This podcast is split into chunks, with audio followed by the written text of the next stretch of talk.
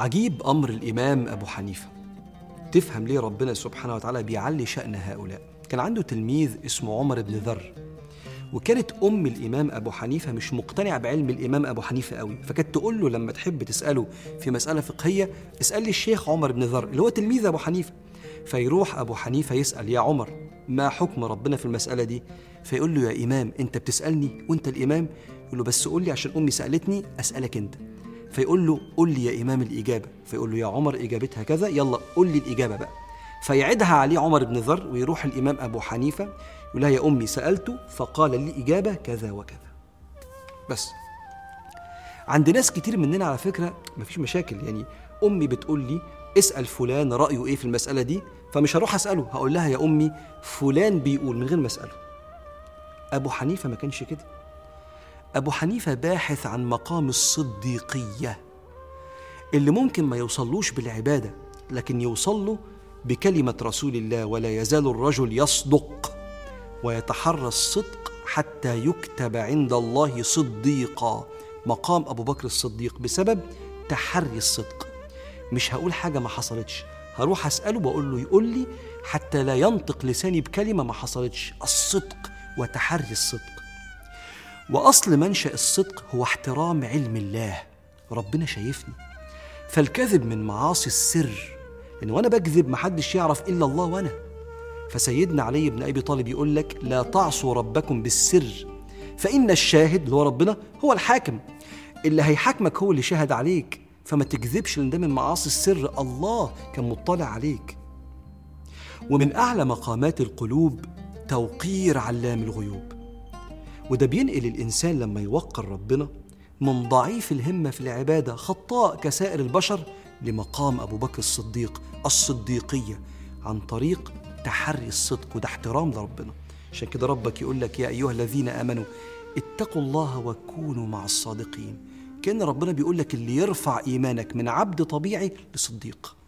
فالدافع الأول لتحري الصدق احترام القلوب لعلام الغيوب. الدافع الثاني لتحري الصدق هو احترام الإنسان لقيمة نفسه قدام نفسه. أنا مش هنزل من نفسي وأكذب أنا مش خايف.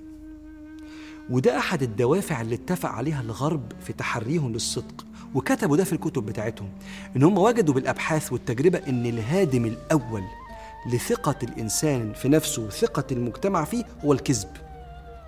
وعلى فكرة الكذب لما أنا بكذب اللي قدامي بيدرك إن أنا كذبت من ملامح وشي غالبا. وبينقبض قلبه وبيبتعد عن الثقة فيا من غير ما يقول لي. نادرا وده كلام علماء النفس. ما حد يقول لك إلحق أنت كذاب على فكرة. هو لوحده كده بيتخطف لما يشوفني بكذب. ومشكلة جدا إنك تعرف تغير الترميز ده بعد ما تعرف عنك من وشك إنك بتكذب.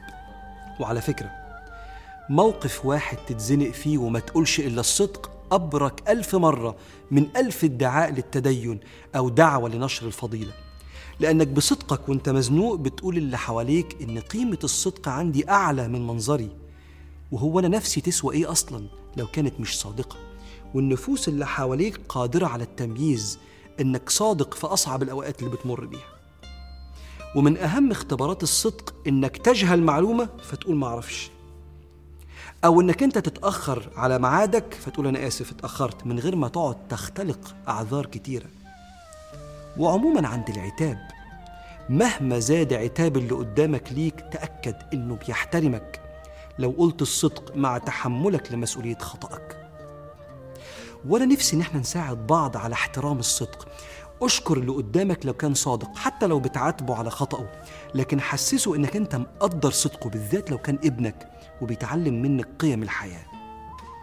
وأخيرا بقول لنفسي وبقول لحضراتكم أنت أكرم على الله. من إنه يحاسبك بكرة يقول لك كذبت ليه؟ فتقول له يا رب بس أنا كنت بدفع مضرة كانت ممكن تقع عليا أو بجلب منفعة. فيقول لك أين كنت أنا في قلبك وقتها؟ الضر والنفع بإيدي. ما تكذبش البشر لا ينفعه ولا يضر. فدايما باستمرار فكر قلبك بتوقير علام الغيوب الذي يعلم الصدق والكذب. فاللهم ألهمنا الصدق في القول والعمل. واحشرنا في زمرة الصادقين الصديقين يا أرحم الراحمين.